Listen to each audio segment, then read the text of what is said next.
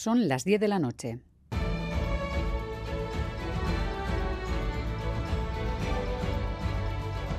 Radio Euskadi y Radio Vitoria. Servicios informativos. Repasamos los titulares de la jornada con John Fernández Mur, Gabón. Gabón, Miriam, noticias de este lunes 15 de enero en el que comenzamos hablando del juicio por la paliza al joven Alexandru Ionita. Sufrió lesiones gravísimas que le han hecho dependiente de por vida. Siete acusados se sientan desde hoy en el banquillo. Son los mayores de edad implicados en esa paliza de julio de 2021 en Amorebieta Echano. Los padres de Alexandru les han preguntado por qué le hicieron eso.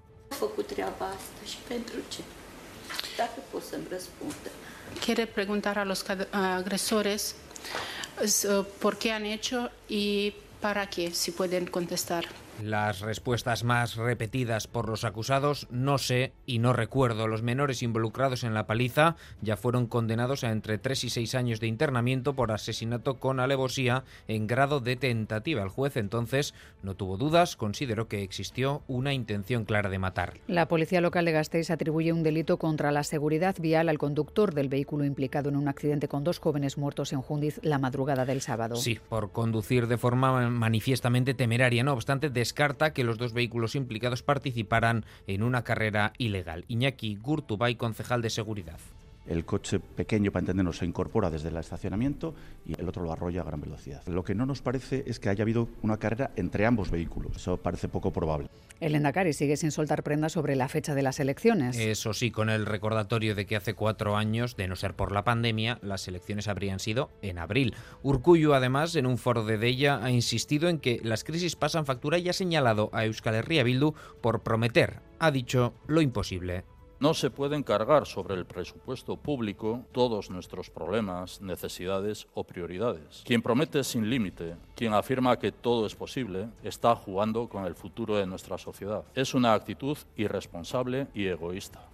Y mensaje a los sindicatos, según Urcuyu, del cuanto peor mejor, que buscan, dice, generar malestar, a pesar del fiasco, ha considerado que han sido las últimas huelgas. Euskadi denuncia una nueva exclusión en el reparto de fondos europeos, en este caso para carreteras. El gobierno vasco y las diputaciones dicen que no les ha llegado nada de los 450 millones destinados a mejorar travesías urbanas, la eficiencia energética o el ruido de las vías. Esta tarde se lo han trasladado al ministerio que se ha comprometido a solucionarlo. Y en Gaza son ya más de 100 días de conflicto y los muertos en la franja superan los 24.000, los heridos llegan a 60.800. En Gambara de Radio Euskadi hemos escuchado el testimonio de Edward Chu, médico de urgencias de Médicos Sin Fronteras, ha estado sobre el terreno en Gaza, acaba de salir de allí.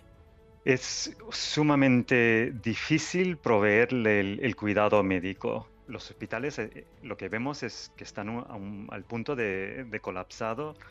Hay pacientes por todo espacio libre, gente también refugiándose dentro del hospital. No faltan camas, se ven obligados a, tratar los pacientes en el suelo con condiciones realmente inhumanas. Con su testimonio terminamos más noticias en una hora y en todo momento en itv.eus y en la aplicación ITV Albisteac. Geruarte.